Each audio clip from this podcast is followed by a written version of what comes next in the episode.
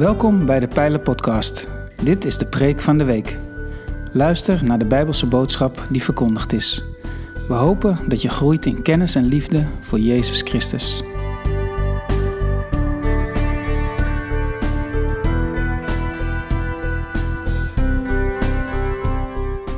Met een vingertip hebben we toegang tot een eindeloze stroom verslavende informatie.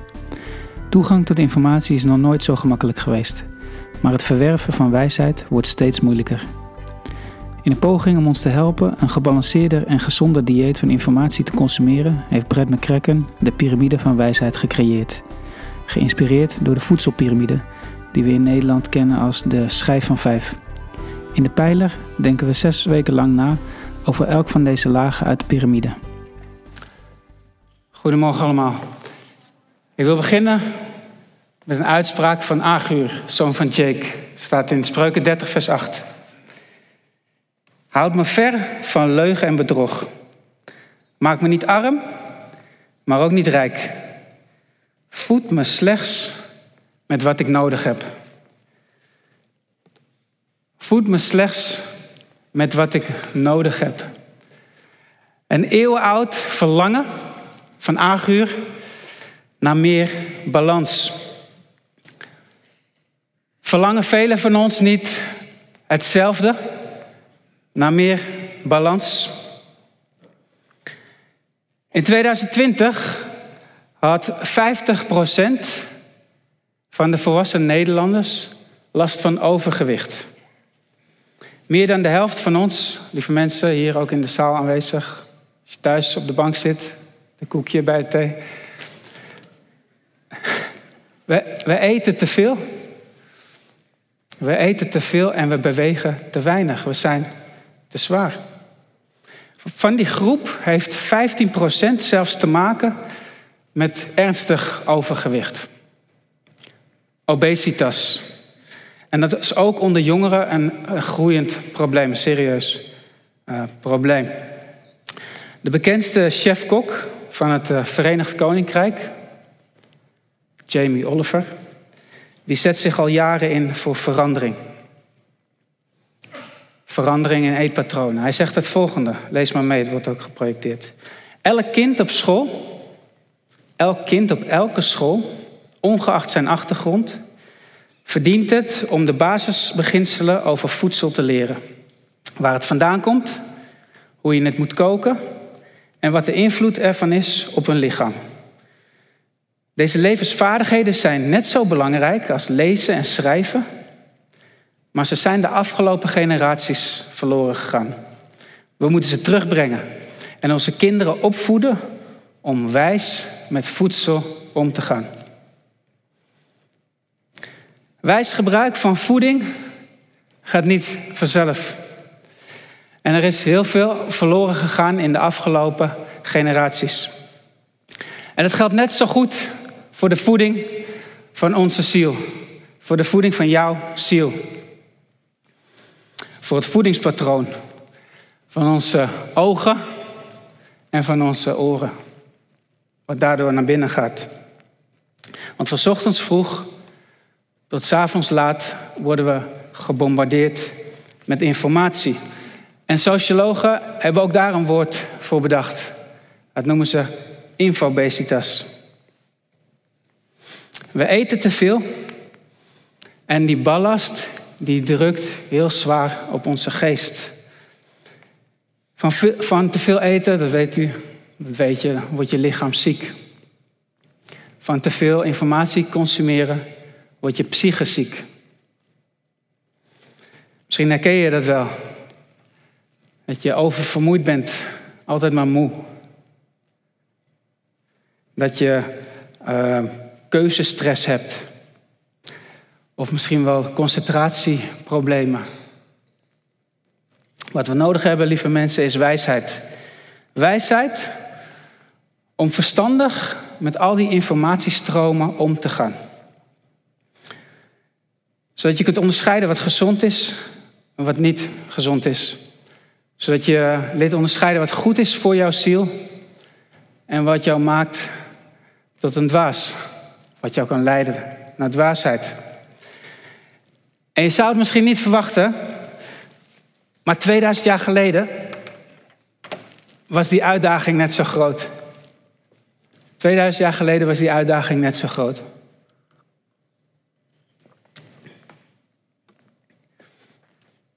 Een wijs gebruik van je ogen en van je oren is nooit vanzelfsprekend geweest. En Paulus, die is een oude man. Hij is op leeftijd.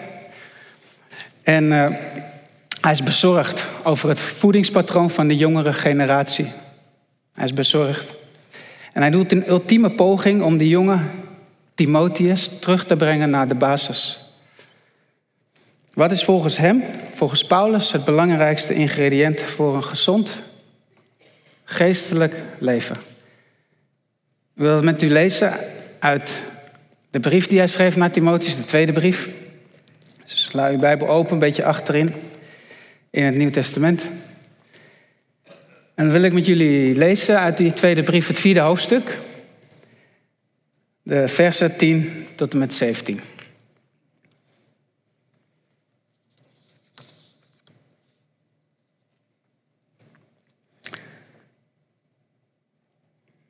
We vallen midden in zijn brief. Jij, Timotheus, jij daarentegen bent mij trouw gevolgd in mijn leer, mijn levenswijze, streven, geloof, geduld, liefde, volharding. En je hebt hetzelfde lijden en dezelfde vervolgingen ondergaan die mij in Antiochië, Iconium en Lystra hebben getroffen. Ik heb ze allemaal doorstaan. De Heer heeft mij steeds weer gered. Allen die vroom en in eenheid met Christus Jezus willen leven, zullen worden vervolgd. Slechte mensen en oplichters zullen van kwaad tot erger vervallen. Het zijn bedriegers die zelf bedrogen worden. Maar jij, blijf bij alles wat je geleerd hebt en met overtuiging hebt aangenomen. Je weet wie je leraren waren. En bent van kindsbeen af vertrouwd met de heilige geschriften, die je wijsheid kunnen geven. Zodat je wordt gered door het geloof in Christus Jezus. Elke schrifttekst is door God geïnspireerd en kan gebruikt worden om onderricht te geven, om dwalingen en fouten te weerleggen en om op te voeden tot een deugzaam leven, zodat een dienaar van God voor zijn taak berekend is en voor elk goed doel volledig is toegerust. Lieve mensen, u heeft het woord van God gehoord. Wie wijs wil worden, die moet beginnen bij de Bijbel. Dat is de basis volgens Paulus. Daar vind je voeding voor je ziel die nergens anders te verkrijgen is. En in de piramide van wijsheid, zoals Brett McCracken die heeft opgesteld en uitgedacht, vormt die de basis van waar al het andere op rust. Deze morgen, in deze verkondiging, wil ik met jullie nadenken over de vraag waarom dat zo is. Waar komt dit voedsel vandaan? Tweede waar ik bij stilstaan is, hoe moet je het koken? En het laatste waar ik over na wil denken met jullie is, wat voor invloed heeft het op jouw lichaam en jouw geest? Dus waar komt het vandaan? Hoe moet je het koken? En wat heeft het voor invloed op jouw lichaam en geest? Voor de christenpelgrim zijn dit cruciale levensvaardigheden die bepalend zijn voor jouw geestelijke conditie. Waar komt het voedsel vandaan? Nou, uh, de bron van die eeuwenoude teksten daar zegt Paulus iets heel belangrijks over. Maar het is belangrijk om daarbij stil te staan, dat je bewust bent waar het vandaan komt. Want als je weet waar je eten vandaan komt, dan kun je ook beter inschatten wat de voedingswaarde van je voedsel is. Een, scharrel, een scharrelkip van een hobbyboer, die is voedzamer dan een verre neef uit de bio-industrie. Er zit ook veel meer smaak in trouwens. Nou, hou jij van gezond eten? Dan kies je waarschijnlijk voor die scharrelkip van die hobbyboer. Sommigen van jullie denken nu, of je wordt vegetarisch, kan ook, prima. Maar zo is het ook met de Bijbel. Zo is het ook met de Bijbel. Als je weet waar de teksten vandaan komen, dan kun je veel beter de voedingswaarde afwegen. En Paulus die maakt in vers 16 een hele belangrijke opmerking over de oorsprong van de Bijbel. Hij vindt het belangrijk dat Timotheus goed voor ogen houdt wat de afkomst is van zijn voeding. Hij zegt, elke schrifttekst is door God geïnspireerd. Deze teksten die zijn door God geïnspireerd. Paulus zegt letterlijk dat de woorden van de Bijbel door God zijn ingeblazen. Waarbij het woord voor blazen ook gebruikt wordt voor de Heilige Geest. De Heilige Geest, de Geest van God, is de auteur van de teksten uit de Bijbel. Ik vind dat het Engels dat heel mooi vertaalt. Er staat in een vertaling: All scripture is breathed out by God.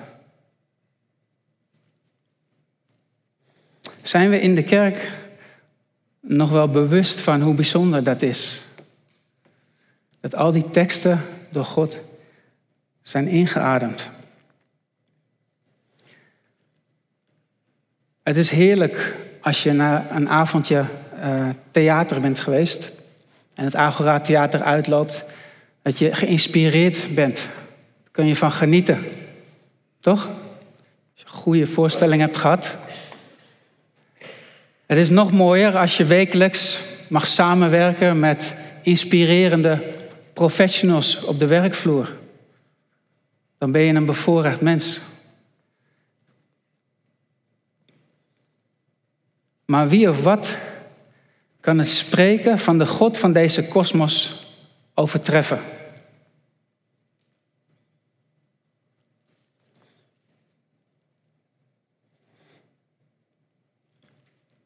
De persoonlijke woorden van God gericht aan jou en mij. Beschikbaar ieder moment van de dag. Hoe schat jij de waarde in, de voedingswaarde van de woorden van God in de Bijbel? Ben je overtuigd van haar goddelijke afkomst? En die vraag is heel belangrijk om eerlijk voor jezelf te beantwoorden. Hoe kijk jij naar de Bijbel? Dat is bepalend voor de gezondheid, voor jouw geestelijke gezondheid, maar ook voor de gezondheid van de kerk, van de lokale gemeente. als de Bijbel niet Gods persoonlijke spreken tot ons is, dan heeft het ook geen zin om de Bijbel tot het belangrijkste ingrediënt van onze wijsheid te maken.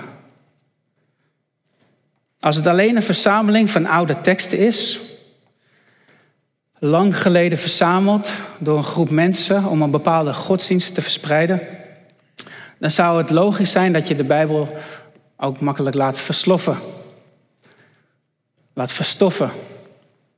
En dat je de feeds van je social media ververst, dag aan dag. Maar Paulus die denkt er anders over. Het is Gods eigen spreken tot ons. Als we de Bijbel lezen, dan ontmoeten we God zelf. De God van de Bijbel die verlangt namelijk naar communicatie met jou en met mij.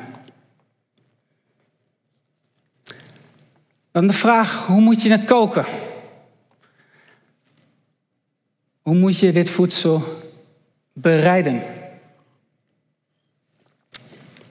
Wat is goed en gezond Bijbelgebruik? Want je kunt geloven dat God persoonlijk tot ons spreekt door zijn woord. Maar hoe ontvang je die woorden goed in je binnenste? Nou, in het boekje, uh, wat Manisa al benoemde, wat we na afloop uh, beschikbaar stellen voor een uh, actieprijs van 4 euro, geeft de auteur vijf adviezen. Vijf tips om het woord van God tot zijn recht te laten komen in jouw leven. Maar ik zal er twee van benoemen. Ten eerste is het belangrijk om het geheel van de Bijbel als waardevol te zien. Heel de Bijbel. Niet alleen bepaalde delen. Paulus die zegt ook tegen Timotheus dat elke schrifttekst door God geïnspireerd is. En toen hij dat opschreef, toen dacht hij voornamelijk aan die 39 boeken van de Hebreeuwse Bijbel, van het Oude Testament. Maar Paulus die, uh, maakt ook al gebruik van enkele teksten uit het Nieuwe Testament. En zo uh, citeert hij bijvoorbeeld letterlijk een uitspraak van Jezus uit het Evangelie van Lucas. Dus alle 66 boeken uit de Bijbel, die zijn voedzaam voor onze geest. Dan zou het toch heel vreemd zijn als wij selectief gaan luisteren. Vind je zelf ook niet? En christenen die, eh, die hebben wel vaker uh, last van die neiging. En dan pakken we een bepaalde tekst uit de Bijbel om een bepaald standpunt te maken of zo. In een discussie of misschien wel om gewoon eh, heel goed bedoelend op een kaartje te zetten en te versturen naar iemand. ook voorgangers maken zich daar nog wel eens schuldig aan. Maar alle teksten van de Bijbel die staan in een verband, in een context. Alle teksten. En dat geldt natuurlijk voor alle teksten ook om ons heen. In de krant, in het nieuwste eh, liedje van eh, Ed Sheeran. Zelfs in een heel vluchtig Snapchat-gesprek is er context. Zijn er verbanden. Dus ook voor de teksten uit de Bijbel. Nou, wie grotere stukken uit de Bijbel durft te lezen, wie oog krijgt voor die context, die zal het meest uit zijn Bijbel halen. Een Bijbelgeleerde die zegt het zo. Hij zegt, omdat de schrift Gods eigen woord is, heeft de hele schrift gezag. En niet alleen die delen die wij aantrekkelijk, overtuigend, relevant of cultureel haalbaar vinden. Ja.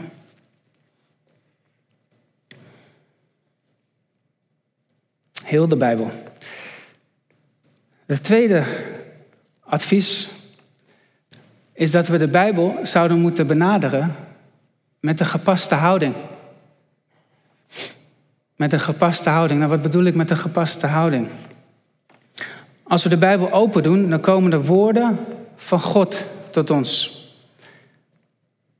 Woorden van God, de Allerhoogste. Denk daar eerst eens een kort moment over na voordat je de Bijbel openslaat. Dan heeft het absoluut invloed op jouw houding. Dan verandert je houding. Want de beste houding, lieve mensen, die we kunnen hebben als we de Bijbel pakken, open doen, is gewoon een luisterende houding. Een luisterende houding. De christen zou de Bijbel moeten lezen om de auteur van die woorden beter te leren kennen. En dan past het niet om gelijk vragen te stellen. Om commentaar te geven. Of om alleen maar te zoeken naar argumenten voor je verhaal. Dan moet je gewoon luisteren. Luisteren. De meeste van ons die zijn daar niet zo goed in. Maar we hebben niet voor niets twee oren en één mond. Als je de Bijbel pakt, haast je dan om te luisteren en wees traag om te spreken. Moet je eens proberen met je man of je vrouw. Met je vriend of met je vriendin. Ik geef je 100% garantie op succes in de romantiek. Traag om te spreken en haasten om te luisteren. Waarom? Omdat je alleen dan de diepere lagen van schoonheid in die ander zult ontdekken. En wie ook op die manier de Bijbel leest, die zal groeien in aanbidding van God. Want je persoonlijke relatie met Hem, die, die zal zich verdiepen. Je persoonlijke relatie met God zal zich verdiepen. Zijn schoonheid, zijn heiligheid, die dringen veel beter tot jou door. Het gebrek aan vertraging is de oorzaak van zoveel oppervlakkigheid in ons christenleven, in mijn leven.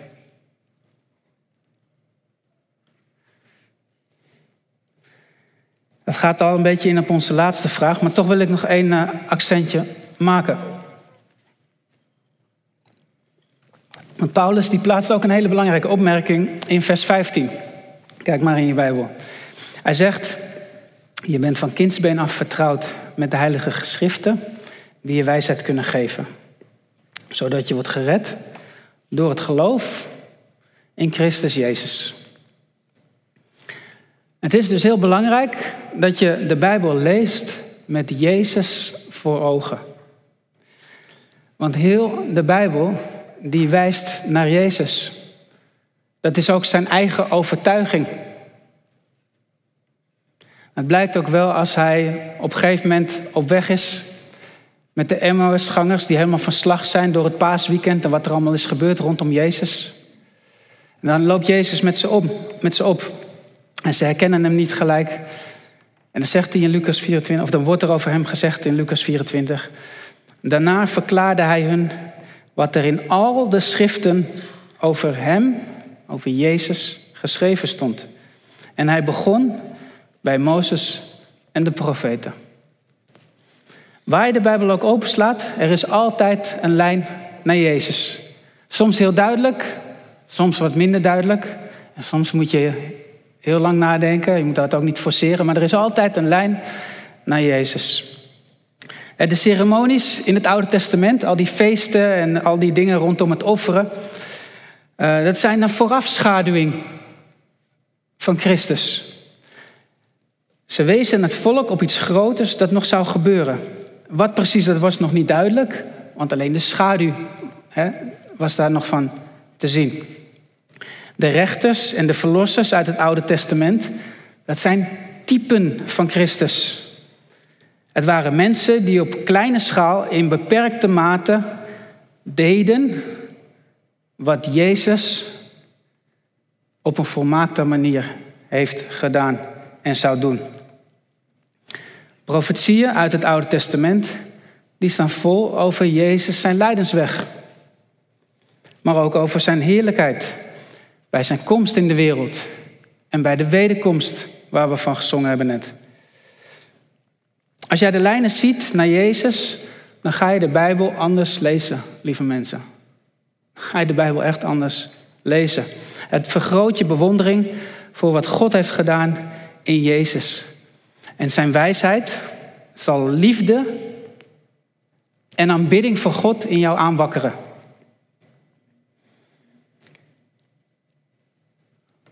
Laatste vraag. Wat voor invloed heeft het op jouw lichaam en jouw geest. Daar heb ik al een beetje over gesproken natuurlijk. Wat werkt de Bijbel in ons uit als we overtuigd zijn van die goddelijke oorsprong?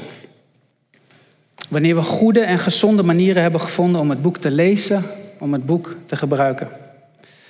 Het antwoord vinden we in de rest, in de, in de rest van vers 16 en 17. Elke schrifttekst is door God geïnspireerd en kan gebruikt worden, komt het, om onderricht te geven, om dwalingen en fouten te weerleggen en om op te voeden tot een deugdzaam leven. Zodat een dienaar van God voor zijn taak berekend is en voor elk goed doel volledig is toegerust. Anders gezegd, je wordt toegerust om te doen om te doen wat God, wat God van jou vraagt. Wat God van jou vraagt. Aanbidding en liefde voor God wordt altijd zichtbaar in gehoorzaamheid. Ook dat hebben we net prachtig gezongen. Aanbidding en liefde voor God wordt altijd zichtbaar in gehoorzaamheid. En een dienaar van God, dat is niet alleen die man of die vrouw die op het podium staat te preken of muziek begeleidt. Daar kun je voor lezen uh, ieder kind van God. Ieder kind van God is voor zijn taak berekend. Als jij jezelf aan God toevertrouwt, als jij jezelf aan God toevertrouwt, dan word je toegerust door de geest van God. De geest van God geeft je inzicht en kracht om het goede te doen, waar je ook bent. Gewoon door het lezen en het leren uit de Bijbel. Alleen of samen met anderen. Een gezonde leer, een gezonde leer bevordert een goed leven. En in de omgeving van Timotheus, daar ontbrak het nogal aan. Dat stuk hebben we niet gelezen, maar dat staat voor, eh, dat is vanaf vers 1 tot en met 9. Kun je thuis lezen. Paulus die heeft tot zijn laatste adem gezwoegd om dwalingen en fouten te weerleggen. Het was zijn roeping om het evangelie te verkondigen in heel de wereld. En waar het evangelie niet goed begrepen werd, om de dwalingen en de fouten te weerleggen. Met al het geduld dat het onderricht uh, vereist. Maar hij had de gezondheid van kerken op het oog. Hij had de gezondheid van de jongere generatie van individuen, zoals Timotheus had hij op het oog. Want het kost altijd moeite, lieve mensen, om gezond te eten. Er zal altijd weerstand zijn voor wie verlangt naar een leven dicht bij Jezus. En Paulus die waarschuwt daarvoor. Ik ga het niet helemaal lezen, maar in vers 1 zegt hij al: Weet dat de laatste dagen zwaar zullen zijn. En dan volgen er allemaal voorbeelden van influencers die bijdragen aan die lawine van informatie die over je heen komt. Van dieetgoeroes die overtuigd zijn van hun eigen gelijk en hun eigen waarheid. Maar in alles wat ze roepen, in alles wat ze leren, schuilt heel weinig waarheid. Ze hebben de schijn van een mooi christelijk leven, zegt hij. Het ziet er fantastisch uit, maar ze kennen de kracht helemaal niet. Ze kennen niet de levendgevende kracht van de Heilige Geest om te veranderen naar het beeld van Jezus. En hoe dat komt? Het ontbreekt bij die mensen aan een gezonde leer. Paulus zegt het nog scherper. Hij zegt zelfs, ze verzetten zich tegen de gezonde leer van God. En daardoor brengen ze hun publiek niet dichter bij elkaar, ook niet dichter bij Jezus. De enige effecten die ze bereiken in de kerk zijn nutteloze discussies en een toename van goddeloosheid. Hij zegt in vers 8 harde woorden. Hij, spreekt een hard oordeel over die mensen uit. Het zijn mensen met een zieke geest en een onbetrouwbaar geloof. Met een zieke geest. Verlang jij naar een gezond geestelijk leven? Wil je wijzer omgaan met de voeding van jouw ziel?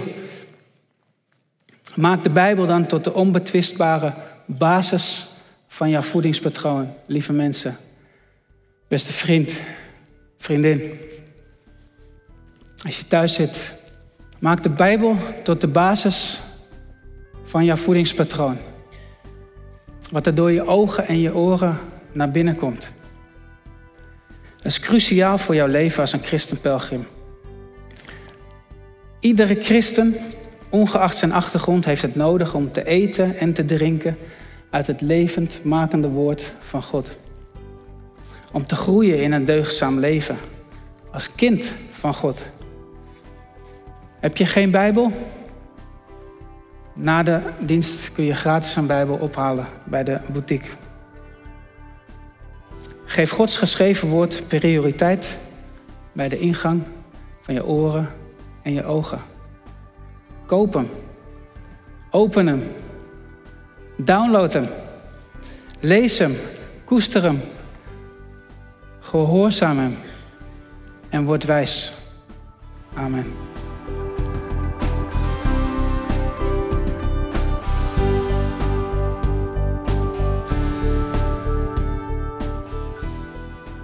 Bedankt voor het luisteren naar deze aflevering van de Pijlen Podcast, Preek van de Week. Heb je vragen naar aanleiding van deze preek? Stel ze. Dat kan via een e-mail naar onderwijs.pijler.nl. We helpen je graag verder in je groei als leerling van Jezus Christus. Abonneer je op deze podcast, zodat je altijd op de hoogte blijft van het onderwijs uit de pijler. Goede week gewenst, ga in vrede, want God is nabij.